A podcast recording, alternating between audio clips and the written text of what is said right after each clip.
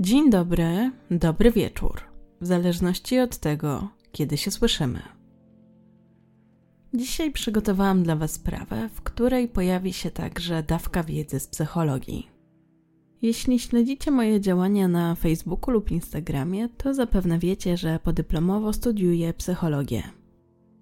Na jednym z ostatnich zjazdów poruszyliśmy temat syndromu Genovese i uznałam, że fajnie byłoby opowiedzieć trochę o nim i o sprawie, która rozpoczęła badania psychologiczne w tym kierunku.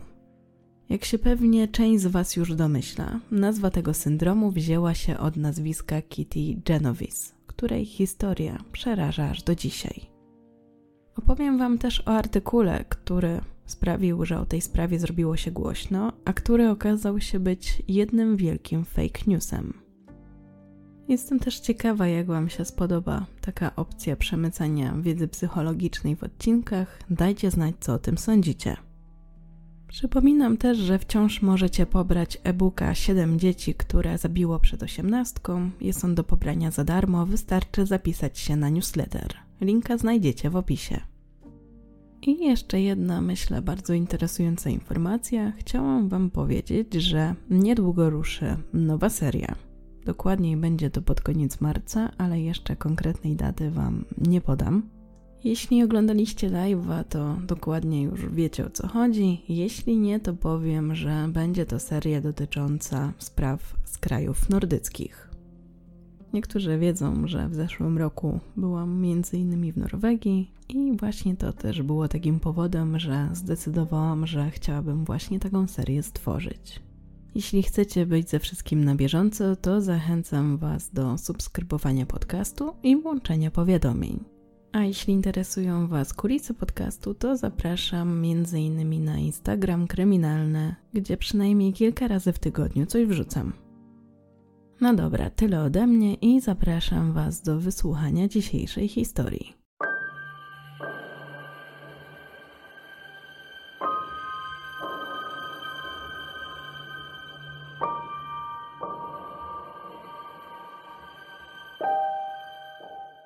W marcu 1964 roku doszło do zbrodni, która zaszokowała całe społeczeństwo. Młoda kobieta straciła życie tuż pod swoim domem. Jednak za sprawą artykułu z New York Timesa przeszła ona do historii jako przykład znieczulicy 38 świadków, którzy obserwowali tragedię przez pół godziny bez żadnej reakcji. To sprawiło, że ta sprawa bardzo szybko straciła swój główny sens, a stała się opowieścią o zobojętnieniu i podstawą do długoletnich badań. I pewnie byłoby to dobre, gdyby nie to, że była to opowieść, która od początku była fałszywa. Artykuł opublikowany 27 marca 1964 roku zaczynał się słowami: Przez ponad pół godziny 38 szanowanych, przestrzegających prawa obywateli w Queens obserwowało zabójcę, śledzącego i dźgającego kobietę w trzech oddzielnych atakach w Kew Gardens. Artykuł ten przyczynił się do ogólnoświatowej dyskusji na temat postawy obywateli. I choć w efekcie doprowadził do rozwoju wiedzy z zakresu psychologii i ulepszenia systemu alarmowego, to, tak jak wspomniałam, w rzeczywistości okazał się być jednym z największych fake newsów amerykańskiego dziennikarstwa. 13 marca 1964 roku 28-letnia Kitty Genovese myślała już tylko o jednym. Chciała jak najszybciej być w domu. Spieszyła się do swojej ukochanej, Mary Ann Zielonko, z którą świętować miały swoją pierwszą rocznicę. Spojrzała na zegarek. Była druga trzydzieści. Właśnie kończyła pracę. W domu powinna być chwilę po trzeciej. Była kierownikiem w barze w Queens, niewielkiej knajpie przy skrzyżowaniu ulic Jamaica Avenue i 193 w dzielnicy Hollis. Do pracy z domu miała jakieś 8 kilometrów. Jak co wieczór wsiadła do swojego czerwonego Fiata, odpaliła i pojechała, ciesząc się, że zaraz będzie blisko Marianne. Ruch o tej godzinie był niewielki. Spacerowiczów też raczej trudno było spotkać. Okolica była spokojna. Większość osób już spała, ale nie on. On dziś miał inny plan.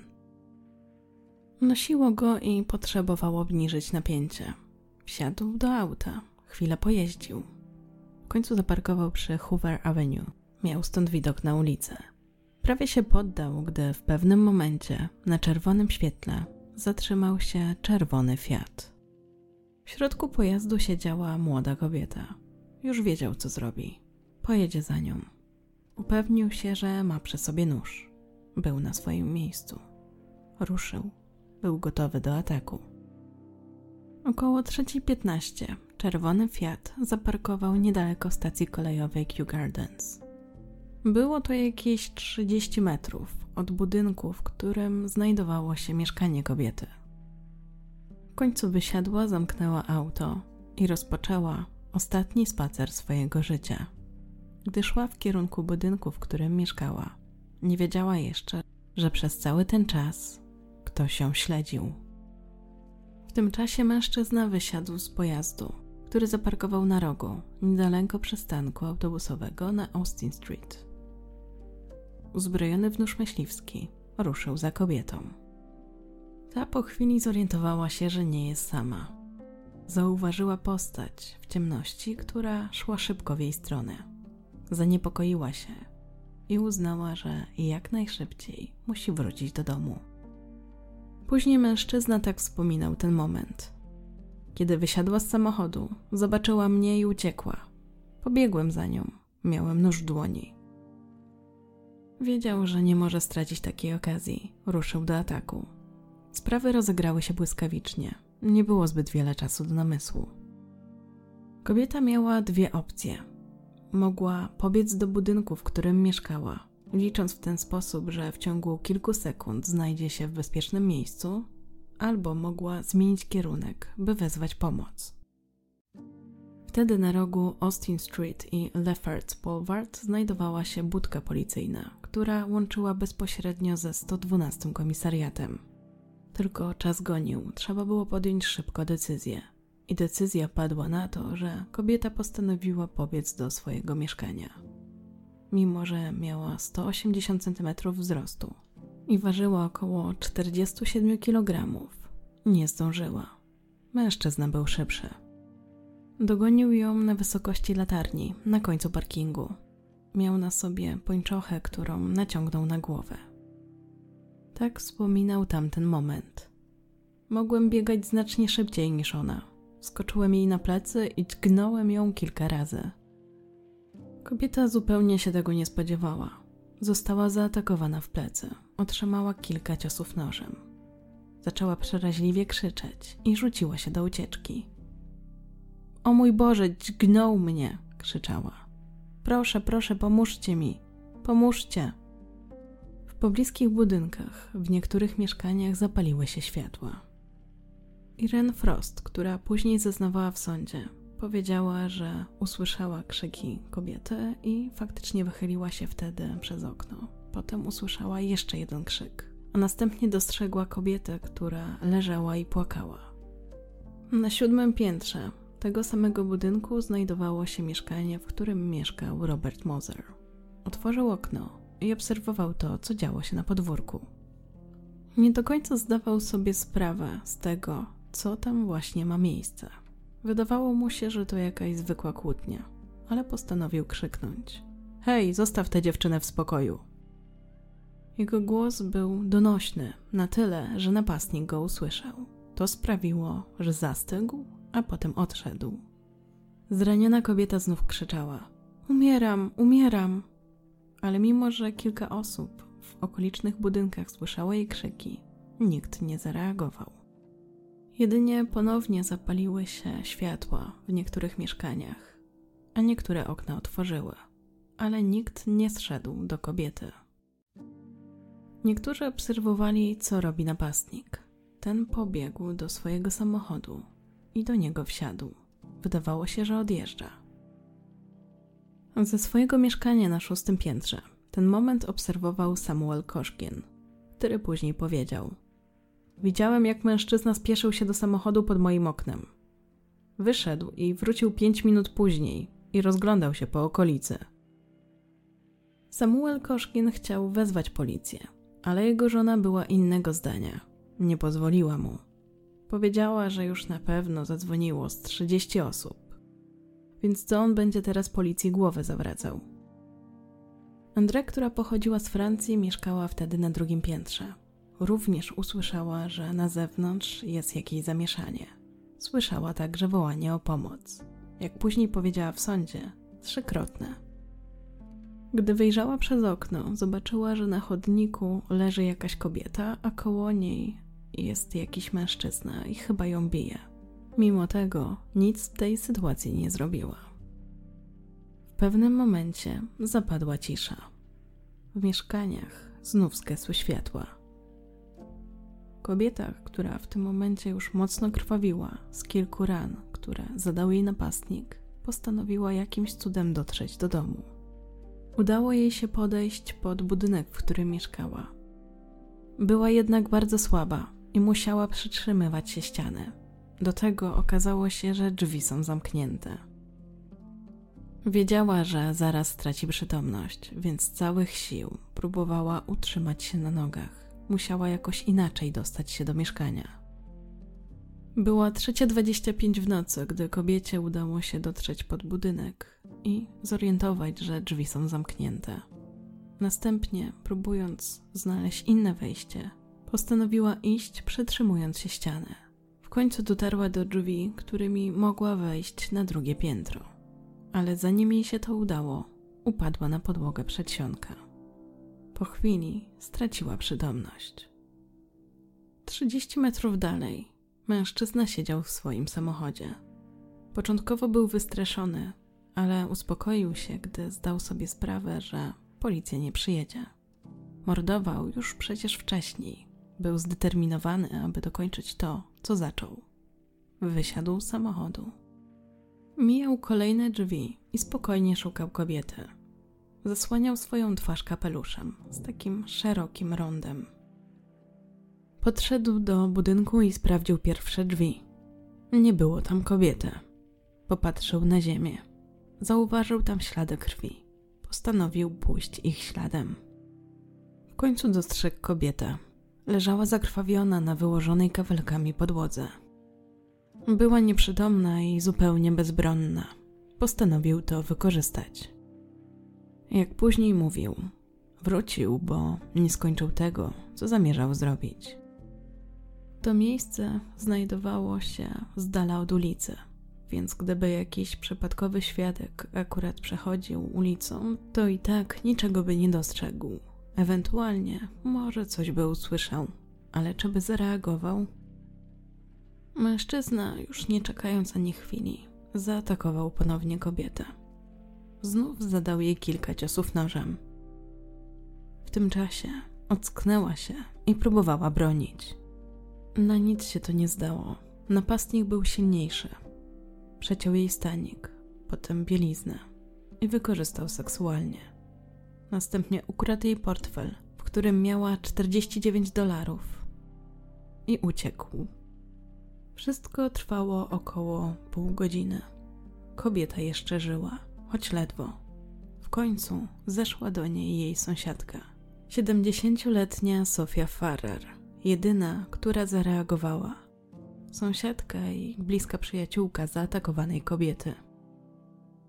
Bała się, że morderca wróci, jednak mimo wszystko poczekała na miejscu do przyjazdu policji i karetki, do końca trzymając w ramionach umierającą kobietę. W tym czasie około 3.50 nad ranem sąsiad Karl Ross, który mieszkał na drugim piętrze, postanowił w końcu wezwać policję. Ale zanim to zrobił, musiał się kogoś poradzić. Zdecydował, że w pierwszej kolejności zadzwoni do swojego przyjaciela, który mieszkał w innym hrabstwie, i zapyta go o to, co jego zdaniem powinien zrobić. Gdy przyjaciel poradził mu, że dobrze by było jednak kogoś zawiadomić, posłuchał go i wkrótce na miejsce przybyły służby ratownicze i policja. Widok, który zastali, był przerażający. 70-letnia kobieta tuliła swoją sąsiadkę, z której uciekało życie. O 4.15 została zabrana do szpitala.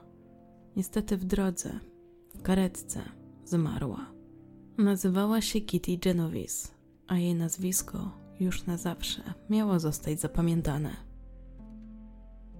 Mężczyzna, który wybrał Kitty zupełnie przypadkowo, pobiegł do swojego samochodu, który wciąż był zaparkowany tam, gdzie go zostawił. Później tłumaczył, że to morderstwo to był taki pomysł, który wpadł mu do głowy i potem już nie był w stanie go wybić i musiał go zrealizować. Nie zastanawiając się już dłużej, wsiadł do swojego białego sedana i uciekł z miejsca zdarzenia. Jechał przed siebie. W końcu, kilka przecznic dalej, dojechał do czerwonego światła. Zerknął wtedy na samochód, który stał na sąsiednim pasie. Zauważył, że ma wrzucony luz i że kierowca śpi. Wtedy wysiadł ze swojego samochodu, podszedł do tego kierowcy i go obudził, mówiąc, że niebezpiecznie jest tak spać. Nie mając zupełnie wyrzutów sumienia z powodu tego, co zrobił, wrócił do swojego samochodu, wsiadł i odjechał do domu. Kim była Kitty? Kitty, czyli dokładnie Catherine Genovese, przeszła na świat 7 lipca 1935 roku w Nowym Jorku. Pochodziła z włosko-amerykańskiej rodziny i była najstarszą córką Vincenta i Rachel. Miała czwórkę rodzeństwa i dorastała na nowojorskim Brooklynie. Wszyscy wołali na nią Kitty. Rodzice wychowali ją w wierze katolickiej. Całe dzieciństwo spędziła w zachodniej części Brooklynu, która była zamieszkiwana głównie przez rodziny pochodzenia włoskiego i irlandzkiego. Kitty opisywana była jako niezwykle zdolna uczennica, pewna siebie i o pogodnym charakterze. Nazywano ją gadułą, była też dosyć popularna w szkole. Najbardziej lubiła lekcje angielskiego i muzyki. Jeśli chodzi o jej dalszą edukację, to później uczęszczała do żeńskiego liceum. W latach 40. jej ojciec założył własną firmę, która produkowała płaszcze i fartuchy dla lokalnych firm. Szło, można powiedzieć, tak średnio, nie był to jakiś wielki sukces, co też gdy padł pomysł o przeprowadzce sprawiło, że mężczyzna nie miał żadnych obiekcji. A taka decyzja zapadła w 1954 roku, gdy Kitty miała 19 lat, a jej mama była świadkiem strzelaniny w pobliżu ich domu. Dziewczyna jednak nie chciała się przeprowadzać, chciała zostać w Nowym Jorku, bo jej rodzice planowali, że przeniosą się do New Canaan w Connecticut. W związku, że już miała 19 lat i rodzice ufali, że jest gotowa sama o sobie decydować, to nie ingerowali w jej decyzję. Zwłaszcza, że plan był taki, że zamieszka z dziadkami. I w końcu tak też faktycznie się stało. Rodzice Kitty z jej czwórką rodzeństwa wyprowadzili się na przedmieścia, a dziewczyna została z dziadkami i rozpoczęła swoją pierwszą pracę. Tamtym okresie życia była opisywana jako atrakcyjna, towarzyska kobieta, która lubiła muzykę latynoamerykańską i uwielbiała tańczyć. Interesowała się też historią i polityką. Potrafiła dyskutować na wiele tematów. Jej młodszy brat wspominał po latach, że uwielbiała rozmawiać o polityce i dużo wiedziała o tym, co się dzieje na świecie.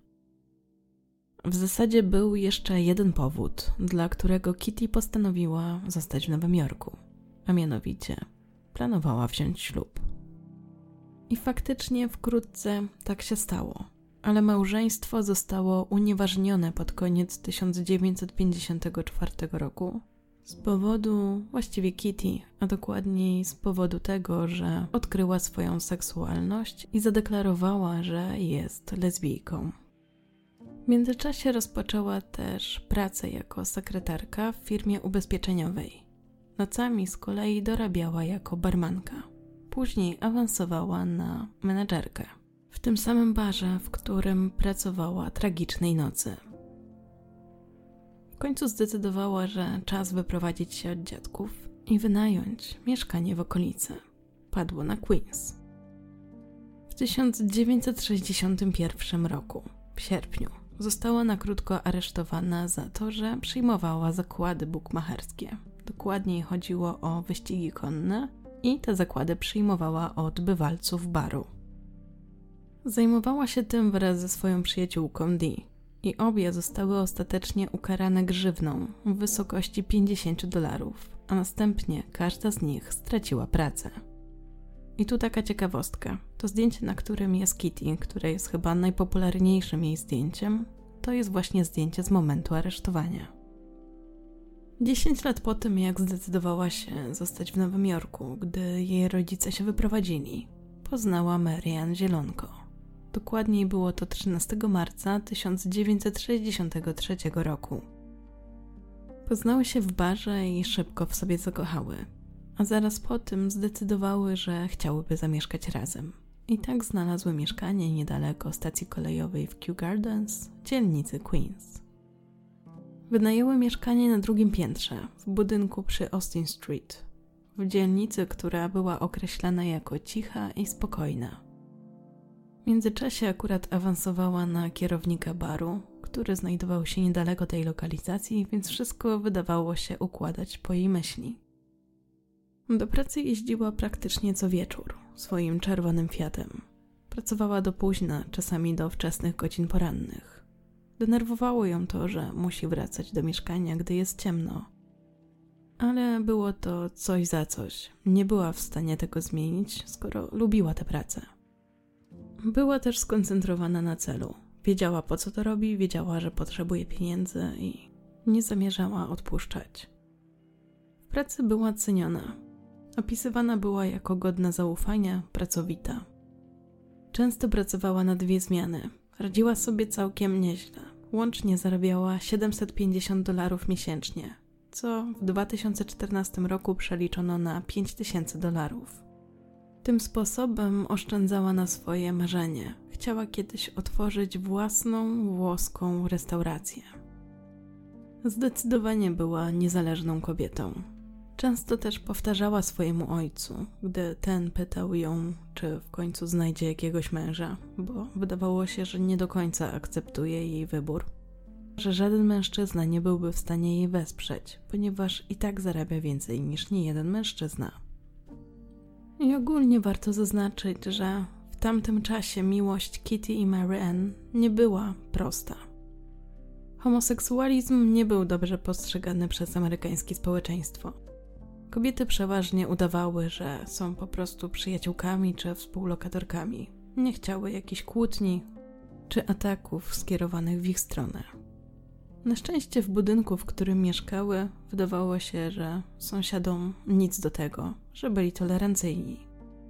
Przede wszystkim zaprzyjaźniły się z jedną rodziną, rodziną Farras. Nawzajem wyświadczali sobie różne przysługi, często się spotykali. I faktycznie oni też wiedzieli o tym, że Kitty i Mary Ann są po prostu parą. Budynek, w którym mieszkały kobiety, powszechnie jest znany jako Tudor. Jeśli skojarzyło Wam się z dynastią Tudorów, to bardzo dobrze, bo generalnie właśnie z tego wzięła się ta nazwa. Ten budynek po prostu przypominał wyglądem budowlę z okresu panowania tej dynastii. Na parterze można było znaleźć sklepy i niewielkie lokale usługowe oraz pub Baileys. Chociaż to miejsce nie cieszyło się zbyt dobrą opinią.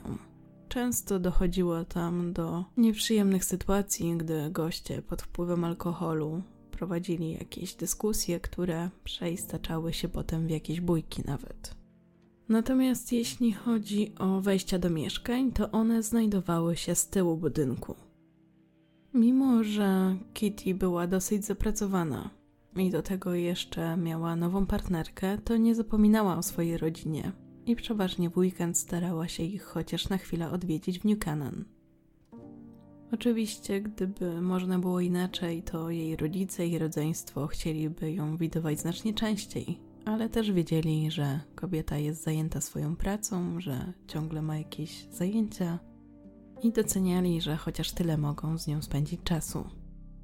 I też ogólnie było tak, że wydawało się, że Kitty kocha miasto. Taka typowa miastowa dziewczyna. Zupełnie nie wyobrażała sobie właśnie życia gdzieś tam na przedmieściach. Przynajmniej na razie. W jednym z wywiadów jej brat określił ją także jako kobietę renesansu, która interesowała się różnymi tematami. Niestety 13 marca 1964 roku jej życie się skończyło. A teraz śledczy musieli ustalić, kto był za to odpowiedzialny.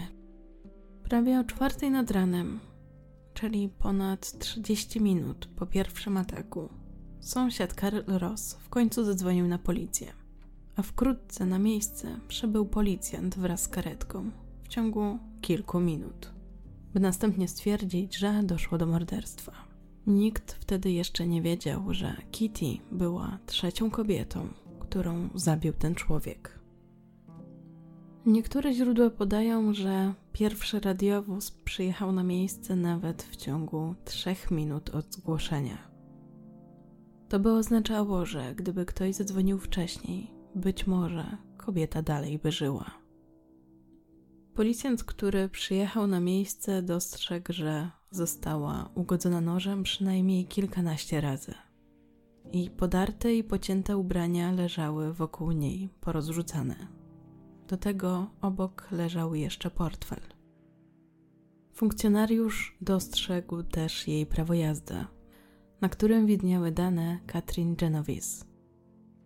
W ten mroźny zimowy poranek rozpoczęło się śledztwo, o którym głośno w zasadzie jest i do dzisiaj bo plotki o tym, że nikt z 38 mieszkańców nie zrobił nic, aby pomóc Kitty, możemy usłyszeć nawet dzisiaj. Jeśli chodzi o tę sprawę i kwestię tego, ilu faktycznie było świadków tej zbrodni, to właściwie trudno było to określić, też ze względu na to, że te pierwsze raporty, które sporządzili policjanci, były dosyć niejasne można powiedzieć nawet chaotyczny. Bo później wychodziło na to, że rozmawiano na przykład dwa, trzy razy z tą samą osobą, a wpisywano, że rozmawiano właśnie z dwiema, trzema osobami. Z pierwszych ustaleń wynikało, że większość świadków nie zareagowała, dlatego że byli przekonani, że to jakaś rodzinna kłótnia.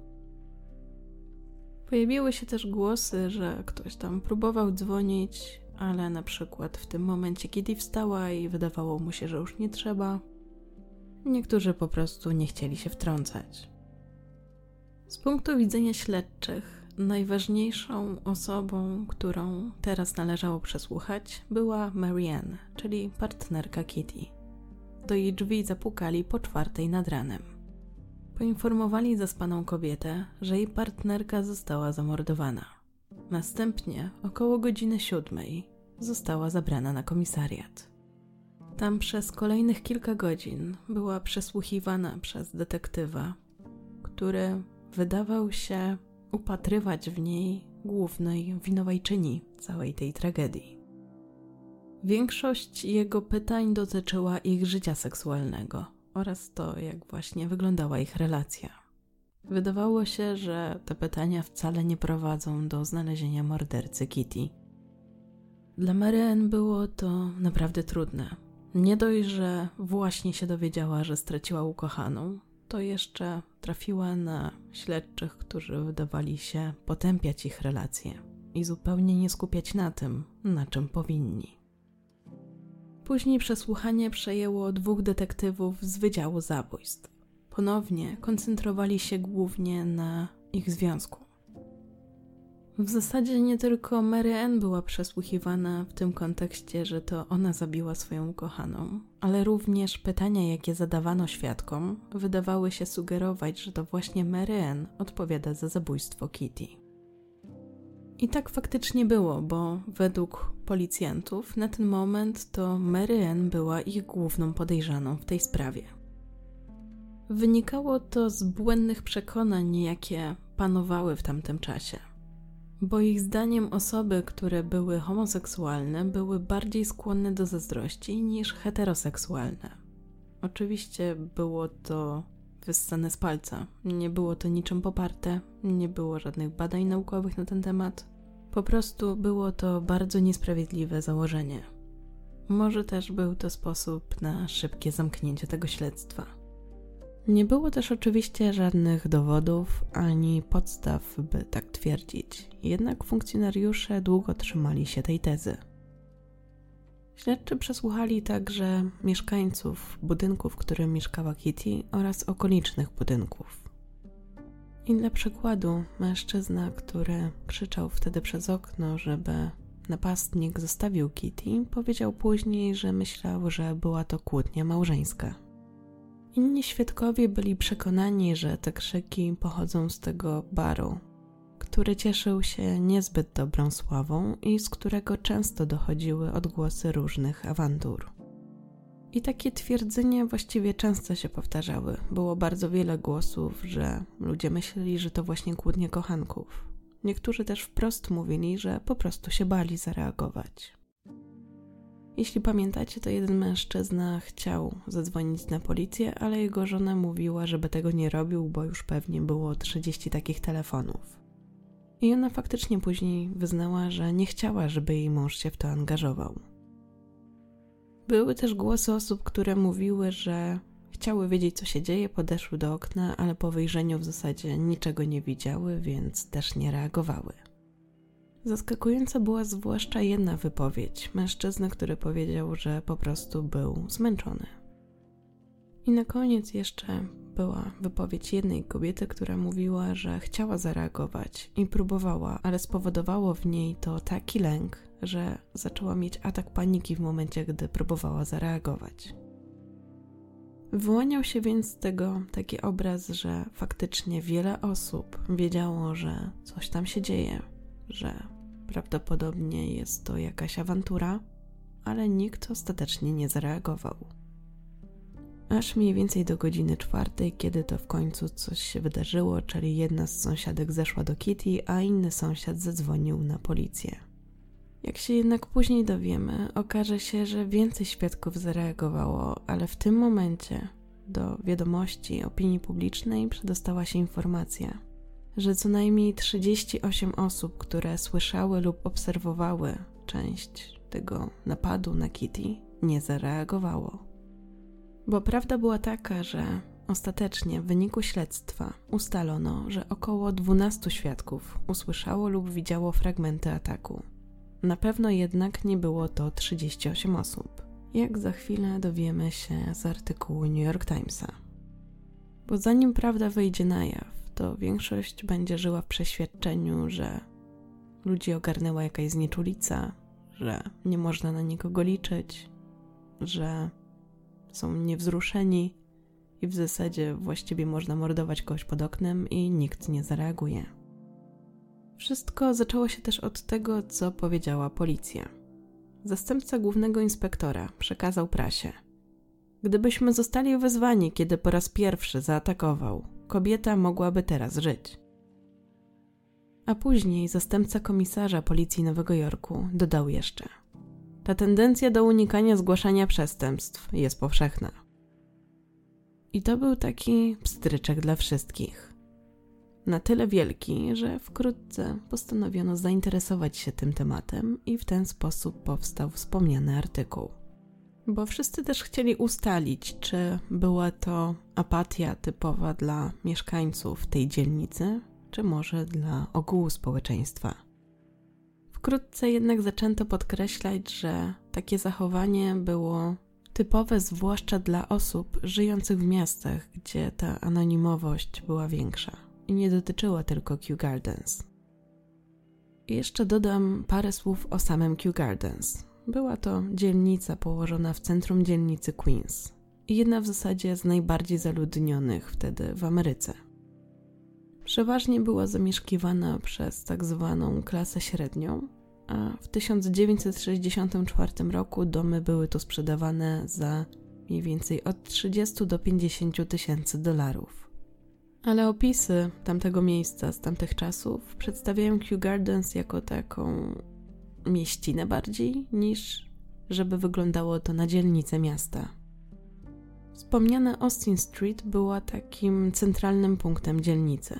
Ulica ta opisywana była jako schludna, malownicza, znajdowały się przy niej sklepy, mały park i ruchliwy dworzec kolejowy. Tego dworca masa osób dojeżdżała do oddalonego o 15 minut Grand Central. Zatem ogólnie dzielnica przedstawiana była jako bezpieczna, zamieszkiwana przez porządnych obywateli i trudno było pomyśleć, że można by tu kogoś zamordować i że nikt by nie udzielił pomocy. A tak się stało. W międzyczasie Mary Ann Zielonko zidentyfikowała ciało Kitty w kosnicy. Raport koronera wskazywał na 13 ran kłutych i liczne rany obronne. Widać było, że kobieta walczyła o swoje życie i robiła wszystko, by przeżyć. Detektywi chcieli jak najszybciej znaleźć jej zabójcę. W końcu musieli sami przed sobą przyznać, że Mary Ann nie jest podejrzana i wykluczyli ją z listy podejrzanych. Kitty została pochowana 16 marca 1964 roku na cmentarzu Lakeview w New Canaan w stanie Connecticut. Co przykre, Mary Ann nie mogła uczestniczyć w jej pogrzebie jako jej partnerka. Musiała trzymać się z boku i podawać za współlokatorkę.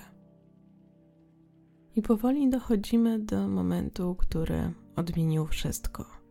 Bo fakt, że akurat ta zbrodnia, jedna z 636 morderstw popełnionych w tamtym roku, czyli w 1964, stała się, można powiedzieć, taką amerykańską obsesją, można przypisać wpływowi jednego człowieka, A.M. Rosenthala, dziennikarza z New York Timesa. Bo prawda jest taka, że nie była to najbardziej makabryczna zbrodnia, jaka wydarzyła się w tamtym czasie, a jednak to ona przeszła do historii. Wynikało to właśnie z tego artykułu, który ukazał się we wspomnianej gazecie. Bo przez to, jak to zostało opisane, to miało się takie poczucie, że to nie była zbrodnia, która przydarzyła się Kitty, ale całemu społeczeństwu a ta wszechobecna obojętność jest przerażająca. Bo sprawa zabójstwa Kitty odbiła się echem w całym kraju i wywołała narodowe poruszenie. Priorytetem wydawało się teraz ustalić, co zrobić, aby więcej taka sytuacja się nie wydarzyła. I jeżeli chodzi o ten wspomniany artykuł, to może Was to zaskoczy, ale wcale nie był pierwszym, który ukazał się w New York Timesie odnośnie tej zbrodni bo pierwszy pojawił się już w sobotę, 14 marca. Była to krótka notatka, w której mogliśmy przeczytać, że kobieta w Queens została zadźgana na śmierć przed swoim domem. Ale ten drugi artykuł, napisany przez Rosenthala, był właśnie tym, który przeszedł do historii. W 1964 roku dziennikarz miał 41 lat i był w zasadzie nowy na stanowisku redaktora w tej gazecie. I jak się okaże, był to dla niego bardzo ważny etap w jego karierze, bo później przez ponad 17 lat był redaktorem w Timesie. 10 dni po tym, jak doszło do śmierci Kitty, udał się do centrum miasta na lunch z komisarzem policji Nowego Jorku, Michaelem Murphym. I przez większość tego lunchu Murphy dzielił się z nim pewnym zmartwieniem. Mianowicie, bardzo go trapiło to, że bał się, iż ruch na rzecz praw obywatelskich, który w tamtym momencie można powiedzieć, że był u szczytu swojej potęgi, wywoła jakieś zamieszki na tle rasowym w Nowym Jorku. No bo jednak wszystko wskazywało na to, że napastnikiem był czarnoskóry mężczyzna. Rosenthal go wysłuchał, a potem jeszcze zapytał o pewną sprawę, bo w zasadzie było o niej dosyć cicho, a go trapiła. Mianowicie Chodziło o to, że dwóch mężczyzn przyznało się do tego samego morderstwa. Mimo, że ta sprawa bardziej zajmowała Rosenthala, to jednak wrócił z Marfim do dyskusji na temat zabójstwa Kitty i wtedy dowiedział się, że w zasadzie komisarza nie tyle co martwi samo zabójstwo, ile to, że 38 świadków nie zareagowało. Murphy był na tyle poruszony, że przekazał jeszcze dziennikarzowi, że przez pół godziny tego okropnego ataku nikt nie wezwał policji. mimo że świadkowie widzieli, jak mężczyzna dzikał kobietę i na pewno słyszeli jej krzyki. I to sprawiło, że Rosenthal stwierdził, że w zasadzie dobrze byłoby o tym napisać. I w tym celu wyznaczył reportera Martina Gansberga, aby zajął się historią pod tym kątem, właśnie opisując, że nikt nie zareagował. Wkrótce 27 marca pojawił się artykuł na pierwszej stronie z tytułem Na szerokości czterech kolumn. I tu już taka pierwsza rozbieżność się pojawia, bo w tytule mamy 37 osób, a potem zdanie zaczyna się od 38. Gdybyśmy mieli porównać to do dzisiaj, to ten artykuł stał się takim dosłownym wiralem, czyli taką opowieścią udostępnianą sobie cały czas przez wszystkich. Bo jednak świadomość, że 38 osób nie zareagowało, szokowała wszystkich. I o to też chodziło w tym artykule. Tak naprawdę, jego celem było też to, żeby odwrócić uwagę od podziałów rasowych i skupić się na obojętności ludzi. Oczywiście skłoniło to wszystkich do dyskusji, co z tym zrobić, jak rozwiązać ten problem, bo trzeba było przyznać, że był to problem, że ludzie nie reagują. Można powiedzieć, że dziennikarz był bezlitosny dla świadków. Cały czas podkreślał, jak to przez pół godziny nikt nie zareagował, że na pewno słyszeli krzyki, że widzieli atak, że były trzy ataki. Tu też przy okazji zaznaczę, że to jest rozbieżność, bo były dwa ataki. W zasadzie z tego artykułu wynikało, że to ci świadkowie byli potworami, a nie sam napastnik. Tak jakby zupełnie odwrócono uwagę od tego, że tam doszło do morderstwa, a kluczowe było jedynie to, że w ludziach pojawiła się właśnie ta obojętność. I widać było, że też tak zostały dobrane argumenty, żeby jak najbardziej pokazać bezduszność tych świadków. Między innymi mamy fragment o tym, jak mordowana jest śliczna, młoda kobieta, a jeden ze świadków niby mówi, że nie chciał się w to mieszać. I też co warto dodać, jeszcze w tym samym roku reporterzy z konkurencyjnej gazety odkryli, że ten artykuł był niezgodny z faktami, ale nie chcieli tego ogłaszać, bo byłoby to takie wyzwanie. No, byłby to taki pojedynek, można powiedzieć, a oni nie chcieli takiego konfliktu. I jak mówiłam, ta sprawa zrobiła się bardzo głośna. Gazety rozpowszechniły tę historię w całym kraju, a na jej temat wypowiadali się niemal wszyscy. Bo zarówno duchowni mówili o tym podczas kazań, wypowiadali się także o tym politycy, a do tego został też wyemitowany specjalny program radiowy CBS zatytułowany Apatyczny Amerykanin. To wszystko sprawiło, że Amerykanie zostali podsumowani jako tacy bezduszni, tchórzliwi i niemoralni. Gdy jedni wierzyli w tę wersję, że nikt nie zareagował, inni próbowali dociec, czy faktycznie tak było. Tym tematem postanowili zająć się różni psychologowie – aby zweryfikować, czy to problem tych konkretnych mieszkańców, czy może jednak całego społeczeństwa. I tak oto zaczęły się badania nad syndromem Genovis. Czy naprawdę świadkowie byli aż tak bezlitośni? Na sympozjum, które odbyło się w hotelu Barbizon Plaza na Manhattanie na początku kwietnia 1964 roku, Psychiatra Ralph Bunny powiedział, że przynajmniej częściowo, jego zdaniem, winna jest telewizja. Twierdził, że ma ogromny wpływ na nasz mózg, a nagromadzone w nim obrazy z telewizji uszkadzają ten mózg. Psychiatra sugerował, że takim natychmiastowym efektem oglądania telewizji są urojenia i że ma na nas hipnotyzujący wpływ. Wyjaśnił też, że świadkowie byli zdezorientowani i sparaliżowani przemocą, która działa się za oknem. Jego zdaniem nawet byli zafascynowani tym dramatem, całą akcją, a jednak nie do końca byli pewni, czy to się dzieje naprawdę. I stąd też był brak reakcji. I zdaniem niektórych to wyjaśnienie idealnie pasowało do tego, co niektórzy świadkowie powiedzieli policji bo przecież twierdzili, że wyobrażali sobie, że była to kłótnia między mężem i żoną lub chłopakiem i dziewczyną. Na tym samym sympozjum przemawiał również dr Karl Menninger, światowej sławy psychiatra i założyciel kliniki w Kansas.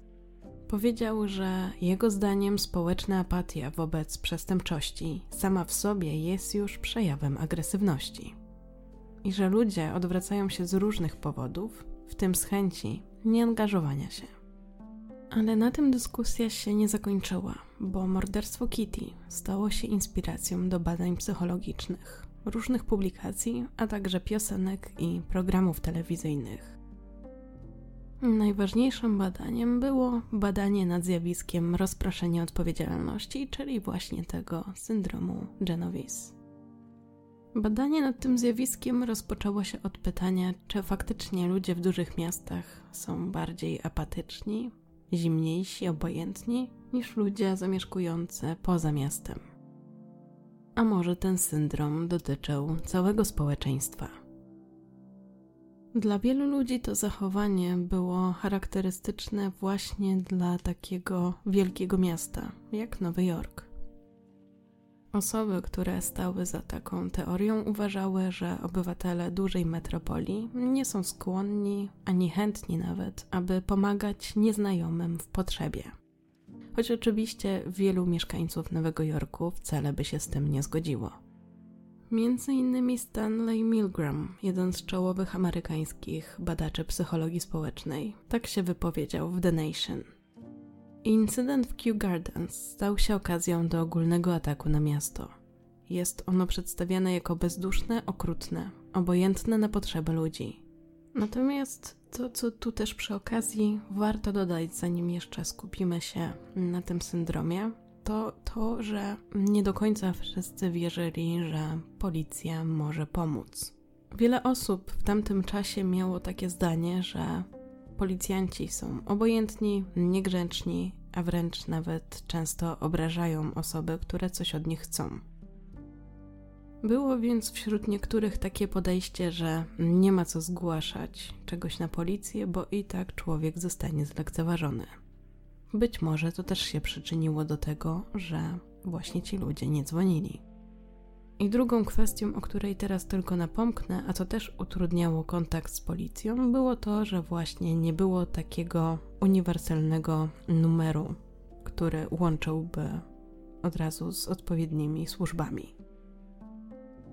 Wracając jeszcze do próby wytłumaczenia tego zjawiska, to z punktu widzenia psychiatry wypowiedział się dr Galdston, który powiedział, że on by to przypisał tak zwanemu efektowi megalopolis, którym właśnie żyją, czyli tak naprawdę temu, że jest to wielkie miasto i że to utrudnia bliskość, a następnie też prowadzi do takiego wyobcowania. I ostatnią taką ważną sugestią, o której przypominali psychologowie, to było to, że tamte czasy to też były takie czasy, że ludzie żyli w przeświadczeniu, że jeżeli mężczyzna atakuje swoją żonę albo dziewczynę, to się człowiek nie wtrąca. I obecnie wydaje się to może zaskakujące, choć czasami bywa tak nadal. To jednak w tamtych czasach naprawdę ludzie uważali, że takie domowe problemy rozwiązuje się we własnym gronie, a nie właśnie e, poprzez jakąś interwencję z zewnątrz. No i to też pokazuje, że jednak wciąż było takie podejście, że to mężczyzna rządzi i jestem silniejszym i to on decyduje. I mniej więcej teraz kojarzycie, jakie były nastroje. I to właśnie sprawiło, że w 1968 roku John Darley i Bill Platane opracowali koncepcję psychologii społecznej znaną właśnie jako efekt obserwatora. Efekt obserwatora to właśnie inaczej syndrom Genovese, albo rozproszenie odpowiedzialności, albo efekt bystandera.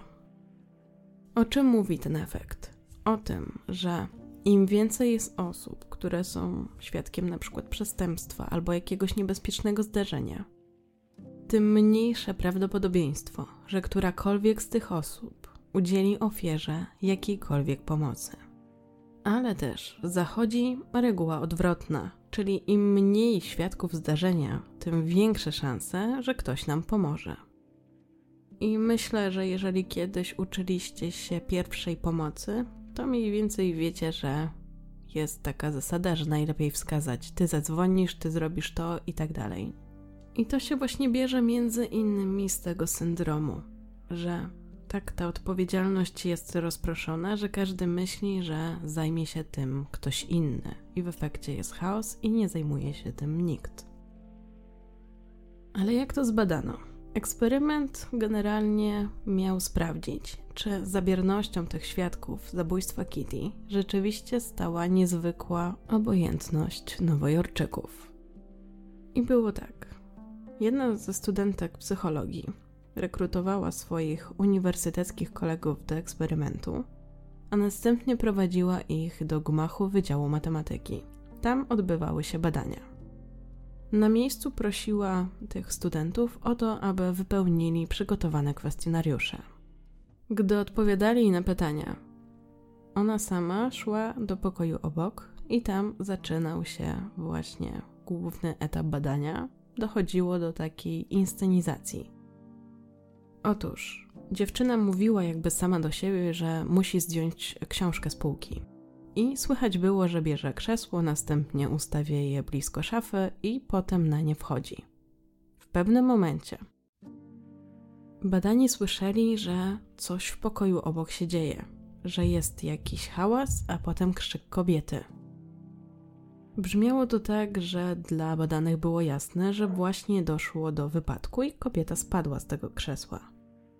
I nie było to jakieś ciche pojękiwanie, ale naprawdę donośny hałas. Nie dało się tego nie dosłyszeć.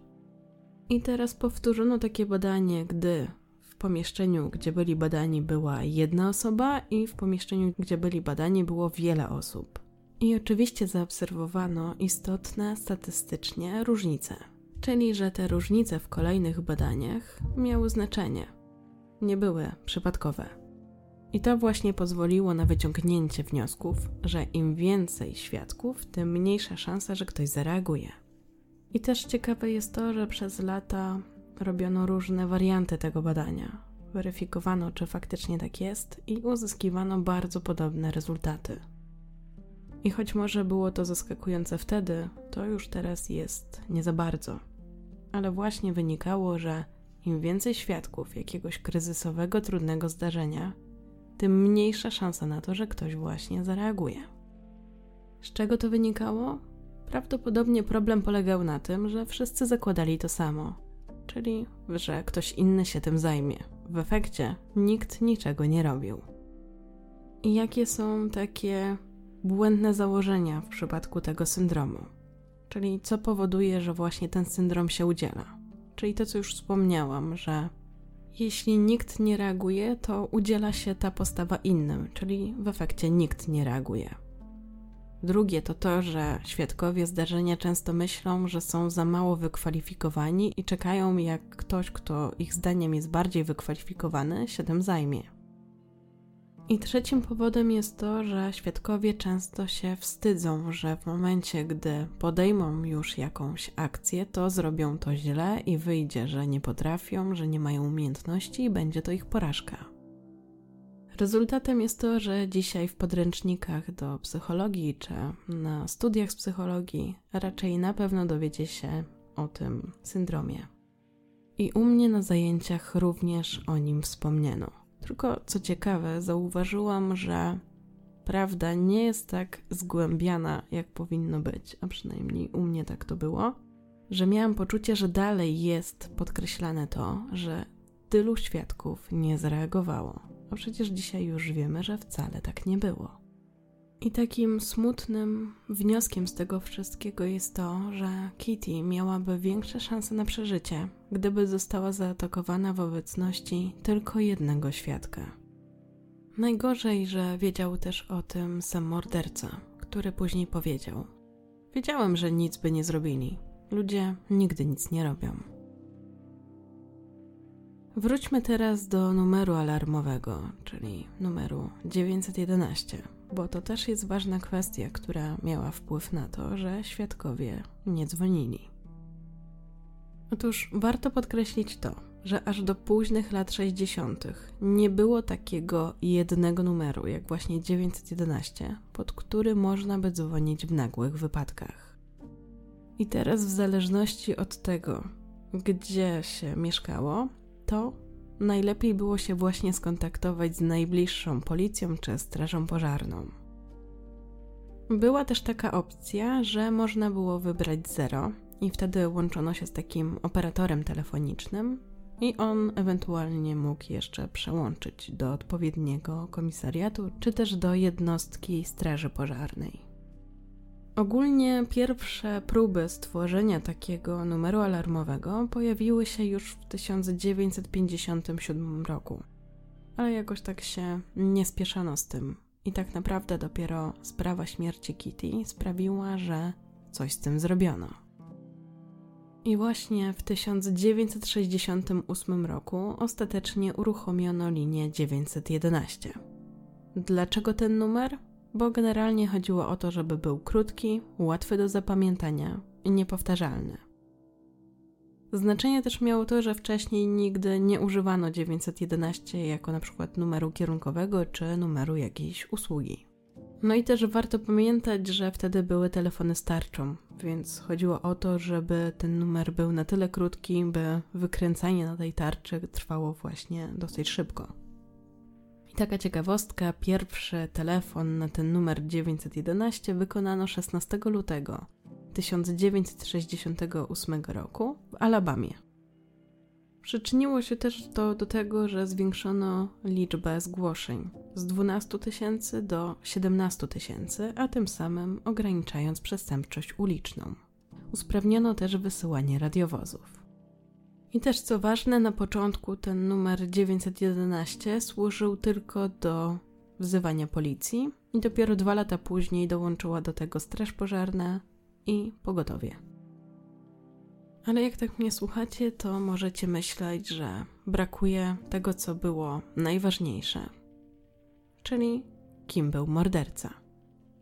Specjalnie też nie opowiadałam tego wcześniej, bo chciałam Wam pokazać, jak tę sprawę traktowano, co tutaj było najważniejsze. Że tak naprawdę większość uwagi pochłaniało badanie zjawiska, dlaczego nikt nie zadzwonił, niż to, że doszło do tak tragicznej zbrodni.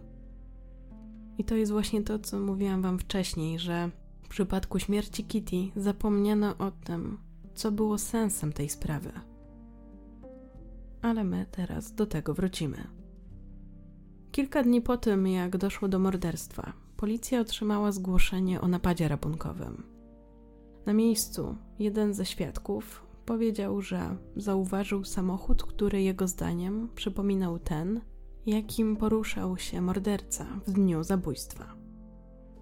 Dokładniej było to tak, że pewien mężczyzna zauważył, że z domu jego sąsiada jakiś nieznajomy mu mężczyzna wynosi telewizor.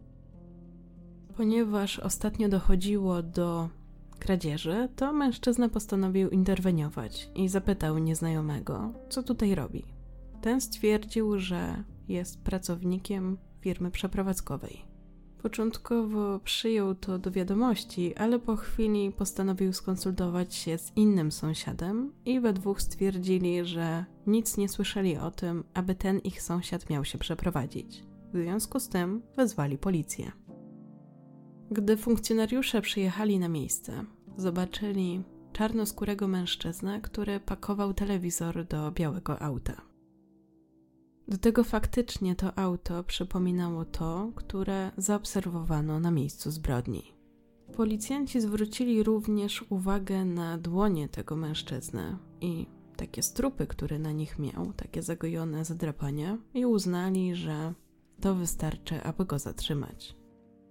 I może to być dla niektórych zaskakujące, ale w tamtym momencie nie było tak jak teraz, że bardzo ostrożnie stawia się zarzuty. Wtedy niemal od razu ten mężczyzna został zatrzymany pod zarzutem gwałtu i morderstwa. Zatrzymany niemal przez cały czas zachowywał się spokojnie. Nie protestował też w trakcie samego aresztowania. Nie buntował się, grzecznie wykonywał polecenia. Policjanci zwrócili uwagę, że wysławia się w sposób taki bardzo elokwentny, kulturalny, wyważony. Zrobił na nich bardzo dobre wrażenie. A wręcz wydawało im się, że tak miły człowiek nie byłby w stanie kogoś zabić. A jednak zatrzymany Winston Mosley wydawał się być tym, którego poszukiwano. Mężczyzna niemal od razu przyznał się do wszystkiego i opowiedział ze szczegółami, co stało się w nocy 13 marca 1964 roku. Ważne było to, że posiadał wiedzę, która nie została podana do wiadomości publicznej, a zatem takie informacje mógł posiadać tylko morderca. Kim był ten człowiek? Winston miał 29 lat. Był sumiennym pracownikiem, przykładnym mężem i ojcem dwójki albo trójki dzieci, w zależności od źródła. Do tej pory nie był karany. Był niewysokim mężczyzną, miał zaledwie półtora metra wzrostu. Szczupły, dosyć ponury wygląd, jak to zostało opisane w źródłach. Pracował jako operator maszyn. Urodził się w Nowym Jorku. Gdy miał 9 lat, matka zostawiła go pod opieką ojczyma. Ten odesłał go na farmę do babci. Winston opisywał, że nie miał tam łatwego życia, że musiał nie tylko się uczyć, ale także ciężko pracować. A gdy skończył 16 lat, jedna z ciotek zmusiła go do nawiązania z nią relacji seksualnej. Gdy już był dorosły, po kilku latach wrócił do Nowego Jorku. Tam też podjął pracę w fabryce, a następnie wziął ślub z pielęgniarką imieniem Betty. Wraz z żoną powodziło mu się całkiem dobrze. Mężczyzna był doceniany w pracy, był oddanym mężem, a później ojcem. Szło im na tyle dobrze, że byli w stanie sobie nawet pozwolić na zakup domu. Co w tamtych czasach wcale nie było czymś oczywistym, zwłaszcza dla osób czarnoskórych. Ale w połowie lat 60. coś się zmieniło. Winston stał się zupełnie innym człowiekiem.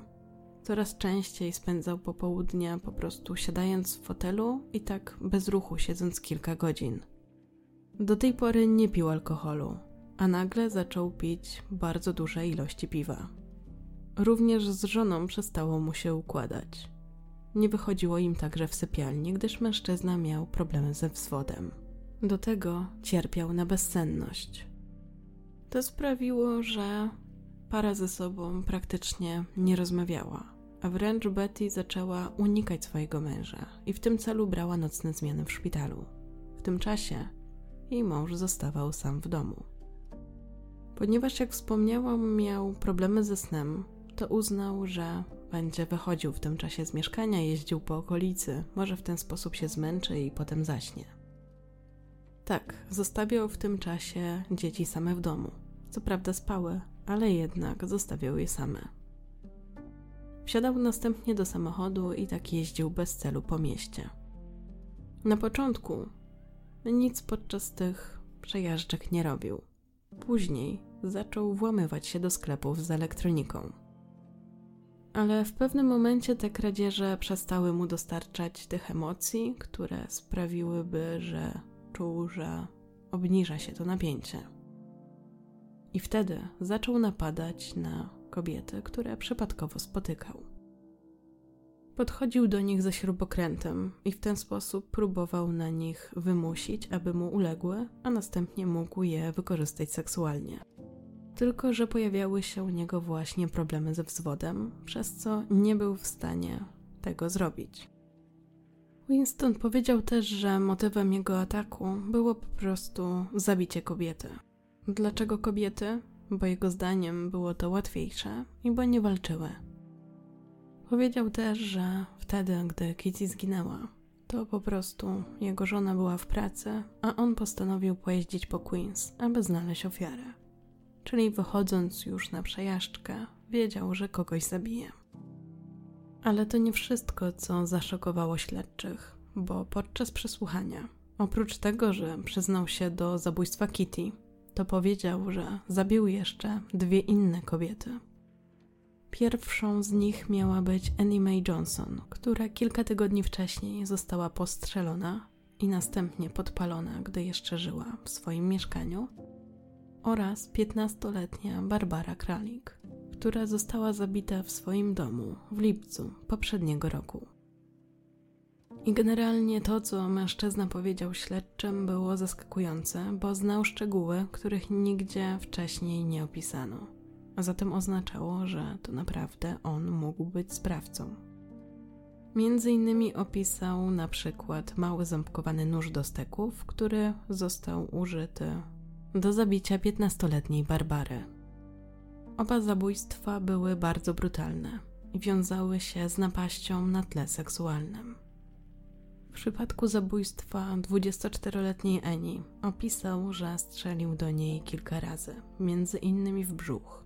I to się trochę nie zgadzało z tym, co było w raporcie z sekcji zwłok, bo tam jako przyczynę śmierci podano rany kłute, które zostały spowodowane jakimś ostrym przedmiotem, takim jak śrubokręt albo pilnik.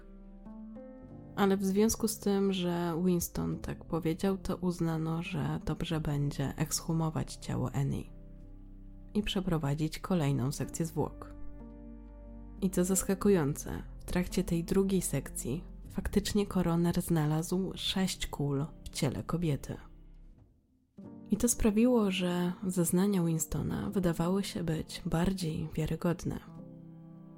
W przypadku zabójstwa 15-letniej Barbary zabezpieczone zostały dowody, którymi były próbki krwi.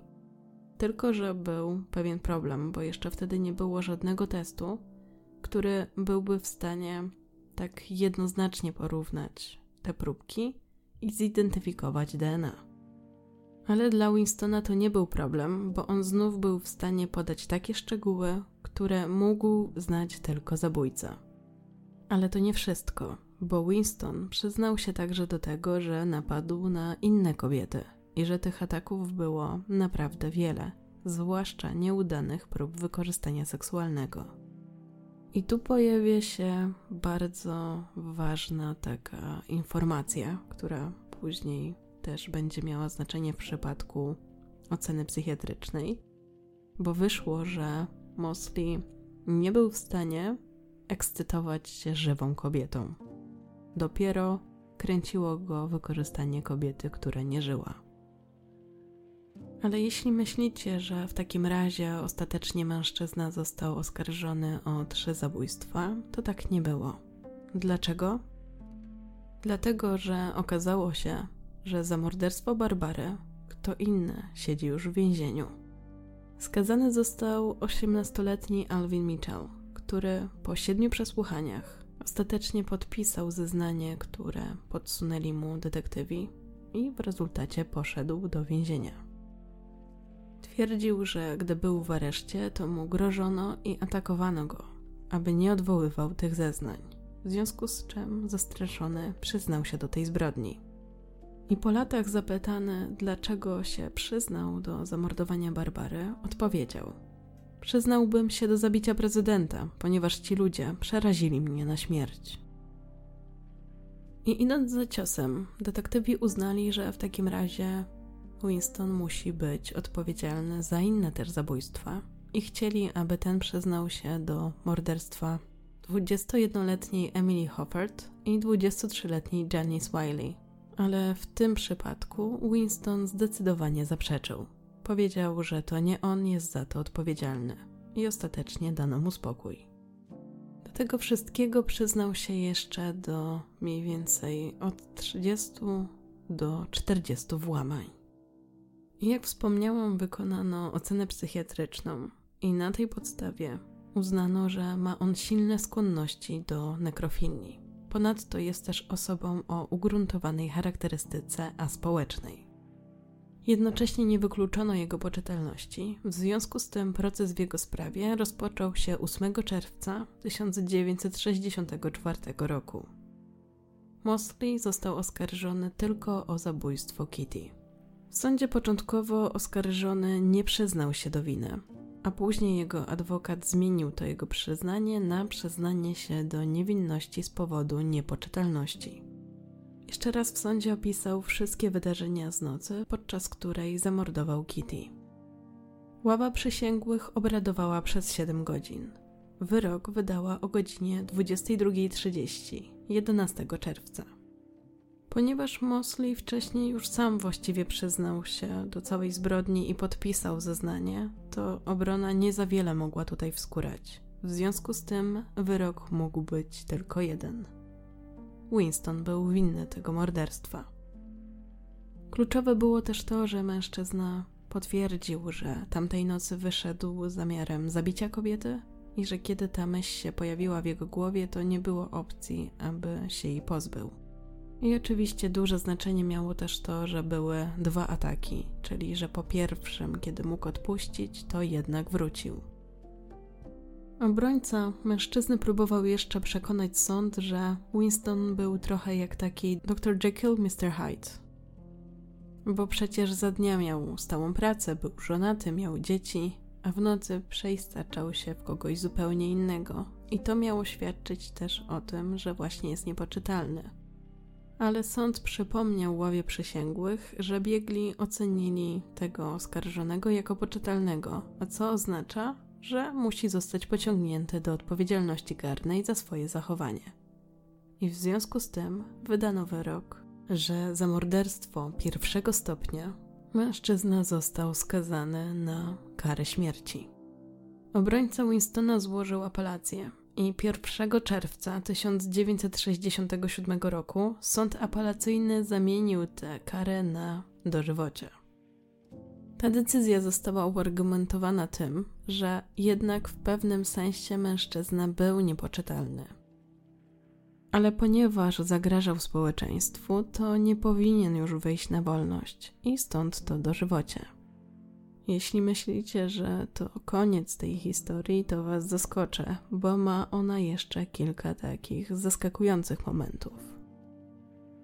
Pierwszy z nich pojawia się w 1968 roku, kiedy to Winston postanawia sobie wsadzić puszkę w odbyt. I to tak głęboko, że musi zostać przewieziony do szpitala.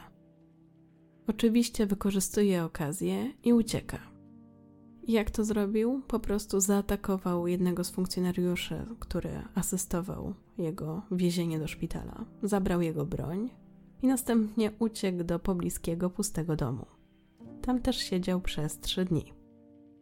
21 marca mieszkańcy tego domu akurat do niego wrócili i ku swojemu zaskoczeniu spotkali w nim Winstona. Ten wziął ich ze zakładników. Trzymał ich godzinę, związał i zakneblował, a następnie zgwałcił kobietę. Potem zabrał samochód pary i uciekł. Na wolności wrócił do przestępczego procederu. W międzyczasie w jego poszukiwania włączyło się FBI. Ostatecznie udało się go zlokalizować w mieszkaniu na drugim piętrze w centrum Buffalo. Jeden z agentów FBI postanowił wejść do tego mieszkania i przez następne pół godziny mierzyli do siebie z pistoletów. Aż w końcu Mosley się poddał. Został ponownie przewieziony do więzienia za to, co zrobił, otrzymał dwa dodatkowe 15-letnie wyroki, równoległe z wyrokiem dożywocia. Wysłano go z powrotem do więzienia Attika, gdzie miał już spędzić resztę wyroku.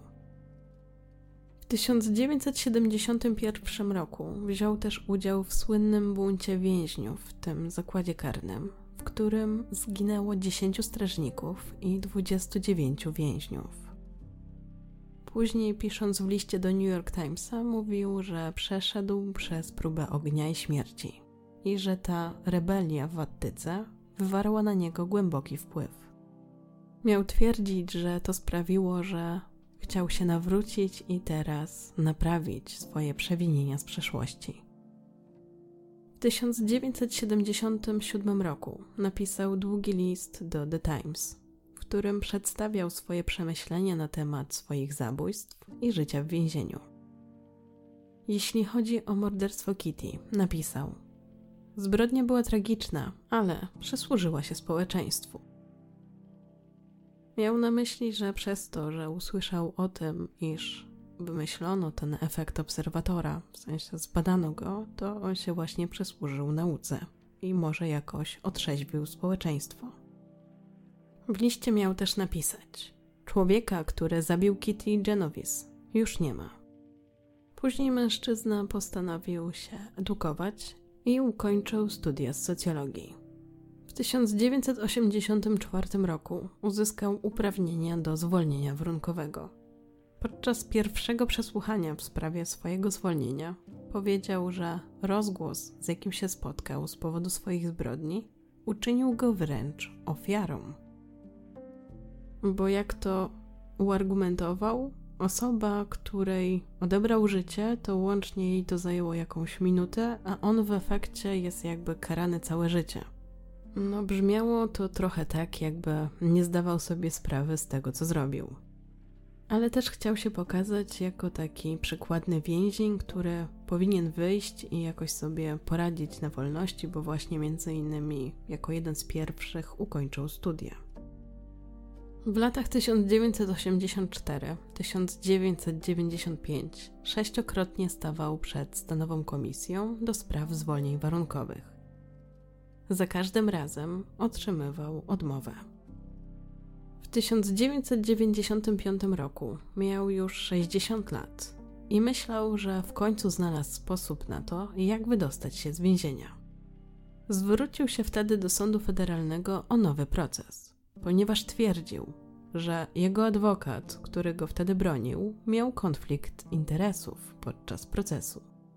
Mianowicie odkrył, że ten sam adwokat kiedyś reprezentował Kitty w związku z drobnym zarzutem hazardowym. I dlatego uznał, że przecież nie mógł go reprezentować, gdyż później został oskarżony o jej morderstwo. I do tego procesu doszło, a na nim byli nawet obecni trzej bracia Kitty. Również obecny był też obrońca, który został oskarżony, wtedy już 82-letni mężczyzna. Obrońca powiedział, że jego klient był kłamcą i że próbuje się wydostać w taki sposób z więzienia. Ostatecznie sąd federalny odrzucił wniosek o nowy proces, podkreślając, że nie ma nic do zarzucenia obrońcy, że była to skuteczna i kompetentna obrona. Kolejne przesłuchanie w sprawie zwolnienia warunkowego odbyło się 13 marca 2008 roku 44 lata po tym, jak zmarła Kitty. Mosley dalej nie okazywał wyrzutów sumienia. W związku z tym ponownie odmówiono mu zwolnienia warunkowego. I ogólnie wtedy wyszła taka dosyć nieprzyjemna sytuacja, bo jeden z braci Kitty, Vincent, nic nie wiedział o tym przesłuchaniu i nie dowiedziałby się, gdyby nie skontaktowali się z nim reporterzy New York Daily News. Podobno mężczyzna nigdy nie poradził sobie z zabójstwem siostry. A każde kolejne takie przesłuchanie Moslija sprawiało, że odżywało to w nim na nowo. Po raz osiemnasty odmówiono Winstonowi zwolnienia warunkowego w listopadzie 2015 roku. Wkrótce potem mężczyzna zmarł. Dokładniej było to 28 marca 2016 roku. Miał wtedy 81 lat, a to oznaczało, że odsiedział 52 lata, co też czyni go jednym z najdłużej odbywających karę więźniów w systemie więziennictwa stanu Nowy Jork. Mimo, że winny został skazany, dla niektórych wciąż kluczowe było to, aby sprostować artykuł z New York Timesa. Jedną z takich osób był Bill Genovese, brat Kitty, który nie mógł pogodzić się z historią opisywaną przez gazetę. Postanowił, że sam sprawdzi, jak to naprawdę wyglądało. Przede wszystkim potwierdził, że nie było trzech ataków, tylko były dwa. I że pierwszy miał miejsce na ulicy, gdzie faktycznie świadkowie mogli widzieć całe to zajście, tylko że była noc i też większość z nich wtedy spała. Nieprawdą było też to, że nikt nie interweniował. Tutaj Bill zwrócił uwagę na to, że przecież był ten mężczyzna, który krzyczał przez okno i przez to potem Winston uciekł. I dlatego też doszło do drugiego ataku, bo ten pierwszy został przerwany. Do tego też podkreślił, że część ówczesnych mieszkańców dzwoniła na policję, tylko że to, że policja dostała wtedy tylko jeden telefon, a przynajmniej tak twierdzili, wynikało z tego, że wtedy nie zapisywano tak skrupulatnie zgłoszeń jak dzisiaj, więc łatwo było stworzyć taką narrację, że nikt nie dzwonił. Bill przypomniał także, że przecież ktoś przyszedł z pomocą Kitty, że była to Sofia Farrar, jej sąsiadka, i że kobieta była z nią aż do przyjazdu karetki. Mężczyzna podkreślił także to, że przecież nie wszyscy wyraźnie widzieli i pierwszy, i drugi atak.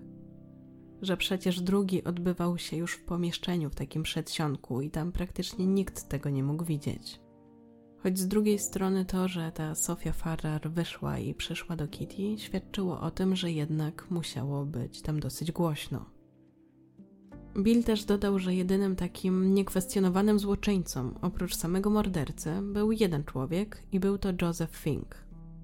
I to był taki mężczyzna, który pracował w budynku mieszkalnym po drugiej stronie ulicy, przy której mieszkała Kitty. I dlaczego akurat on? Bo on, jako jeden z niewielu, widział cały atak, ten pierwszy atak, i faktycznie nic nie zrobił. A po tym, jak mężczyzna uciekł, po prostu się zdrzemnął zamiast wyjść i sprawdzić, czy u Kitty wszystko w porządku. Jeśli chodzi o Karla Rossa, czyli tego, który ostatecznie zadzwonił na policję, to tutaj też był taki problem, że on był tej nocy pijany. I też dlatego może ta jego reakcja nie była taka, jaka powinna być wcześniej. No bo też tak było, że on słyszał ten pierwszy atak. Nie do końca go widział, ale go słyszał. A ten drugi atak z kolei miał miejsce w przedsionku, który był dosłownie zaraz przy jego drzwiach. I podobno nawet miał uchylić drzwi i wtedy zobaczył, jak Winston wbija nóż w Kitty. I zamiast wtedy coś zrobić, to tak się przestraszył, że zamknął drzwi. I to był właśnie ten moment, gdy zamiast od razu zadzwonić na policję, to zadzwonił do swojego przyjaciela, który mieszkał na Long Island i go pytał, co ma zrobić w takiej sytuacji. Gdy ten mu poradził, żeby skontaktował się z policją, dopiero to zrobił. I tutaj Bill na jego obronę miał jedną taką kwestię, bo w tamtym czasie podejrzewano, że Ross jest gejem. A jak już mówiłam, nie były to czasy przyjazne homoseksualizmowi. I być może mężczyzna też się obawiał. I choć może nie ma to znaczenia, a może ma, to jeszcze dodam, że Ross nie zadzwonił ze swojego mieszkania, tylko przeszedł przez okno do mieszkania sąsiada i dopiero stamtąd wezwał policję. To w zasadzie może pokazywać, jak bardzo się bał. Zatem Bill ustalił, że tak naprawdę realna liczba naocznych świadków nie wynosiła 38, tylko było ich 6 albo 7. I że z pewnością wielu mieszkańców coś słyszało, tylko że nie mogli mieć pewności, co takiego słyszą. I że faktycznie mogło to przypominać taką kłótnię kochanków. Albo kłótnię jakichś osób, które nie dogadały się w tym barze znajdującym się na parterze. I też taka przy okazji ciekawostka. Rosenthal, który później był redaktorem naczelnym Timesa i który też wyznaczył dziennikarza do napisania tego artykułu w New York Timesie, to też później napisał książkę, w której skomentował tę sprawę i generalnie nie do końca wziął do siebie krytykę. Wracając jeszcze do Billa, to on też podkreślił, że w całym tym zamieszaniu przede wszystkim zagubiła się sama Kitty, że ona nigdy nie była tematem, że nie liczyło się to, jak żyła, tylko to, jak umarła. I że chciał podkreślić, że była to energiczna młoda kobieta, zabawna i ciepła, i że miała przed sobą jeszcze całe życie. I też taka przy okazji tutaj adnotacja, że w tamtym czasie żadna z gazet, która pisała o tej sprawie, nie wspomniała o tym, że Kitty kochała kobietę. Był to temat tabu. W 2007 roku, we wrześniu, American Psychologist opublikował artykuł, w którym podkreślił, że cała ta sprawa o tych świadkach to raczej była przypowieść niż historia oparta na faktach. Z kolei w 2010 roku dokonano metaanalizę dotyczącej tego efektu obserwatora i na tej podstawie uznano, że nie jest to takie zero-jedynkowe i że faktycznie, jeżeli jest wiele osób, to one pomogą może trochę wolniej niż jak jest na przykład jeden świadek, ale ta różnica zanika, gdy ta sytuacja jest tak naprawdę kryzysowa i gdy faktycznie tak fizycznie musimy interweniować, że dużo zależy od naszej pomocy. Czyli gdy mamy poczucie, że bez naszego udziału nie zostanie udzielona odpowiednia pomoc, no to wtedy reagujemy niezależnie, czy jesteśmy sami, czy jesteśmy w grupie.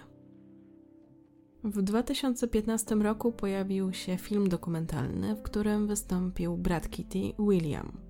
I on również odkrył, że wielu reporterów kryminalnych wiedziało o tym, że ten artykuł z New York Timesa no to była głównie fikcja. Dlaczego więc sobie na nią pozwolono? Bardzo z prostego powodu, dlatego że gdyby nie było takiego przerażającego wydźwięku, to nikt by nie zwrócił uwagi na ten artykuł. A tak wszyscy skoncentrowali się na tej właśnie sprawie. I przy okazji odwrócono uwagę od tego, że mordercą był czarnoskóry mężczyzna. Jeśli chodzi o dokument o sprawie Kitty, to on się nazywa The Witness, czyli świadek. Znajdziemy w nim właśnie to śledztwo Billa, które Wam wcześniej opisałam. W tym dokumencie są też zawarte takie nagrania wideo, które zrobiono w domu Kitty i tam właśnie widać jaka była. Bill też podkreślił, że większość jej rodziny nie wiedziała aż do jej śmierci, że jej współlokatorka była także jej partnerką. Ostatecznie Bill uznał, że doprowadził to śledztwo do końca, o ile to się w ogóle może zakończyć. Ale cieszył się, że miał takie poczucie, że odkrył wiele ludzkiego współczucia i że wcale nie było to tak przerażająco obojętne, jak zostało to przedstawione. Choć też ma takie poczucie, że nie poznał całej prawdy i trudno jest mu odpuścić. W 2016 roku New York Times nazwał własne doniesienia wadliwymi i stwierdził, że oryginalna historia faktycznie rażąco przesadziła z liczbą świadków i że to dostrzegli. Można powiedzieć, że było to takie sprostowanie dla tamtego artykułu. I tak naprawdę do dziś w tej sprawie toczy się dyskusja, a syndrom Genovese jest omawiany bardzo często i to nie tylko na zajęciach z psychologii. Jeśli mielibyście coś zapamiętać z całej tej sprawy, to chciałabym, żebyście mieli w głowie, że warto reagować i żebyście nie zakładali, że zawsze jest ktoś, kto zareaguje za was. Wiem, że to jest trudne, ale lepiej myśleć, że ja muszę zareagować, niż czekać, aż zrobią to inni. Wiem też, że gdy słuchacie tych historii, to też jesteście bardziej wyczuleni na te wszystkie zjawiska. I pamiętajcie, nawet jeżeli zareagujecie, potem się okaże, że niepotrzebnie, to zawsze i tak to było potrzebne. Że lepiej jednak być uważnym, lepiej coś zrobić, niż nie zrobić i właśnie potem żałować. Czyli lepiej, żeby na przykład te 30 osób zadzwoniło, niż żeby nie zadzwonił nikt. I to już wszystkie informacje, jakie przygotowałam na temat tej sprawy. Jestem ciekawa, co Wy o tej sprawie sądzicie. I czy też macie poczucie, że gdzieś w tym wszystkim zagubiła się Kitty. Chciałam jak najdokładniej przedstawić jej sprawę. I stąd też tak długo się dzisiaj słyszymy. Mam nadzieję, że mi się to w miarę udało i że te wstawki psychologiczne Was również zaciekawiły. Dajcie znać, czy chcielibyście, żeby pojawiały się częściej. Dziękuję Wam też za wszystkie komentarze, słowa wsparcia, udostępnienia odcinka i subskrypcje. Bardzo też Wam dziękuję za wspieranie mnie na YouTube i Patronajcie, a zwłaszcza patronom. Adzie, Jakubowi, Łukaszowi, Przemysławowi, Kindze, Magdzie i Annie. Bardzo, bardzo, bardzo Wam za Wasze wsparcie dziękuję. Przypominam też, że w opisie znajdziecie link do zapisu na newsletter, dzięki któremu pobierzecie e-booka o siedmiu dzieciach, które zabiły przed osiemnastką. A teraz z mojej strony to już wszystko. Bardzo dziękuję Wam za wysłuchanie. Życzę dobrego dnia, dobranoc, do usłyszenia.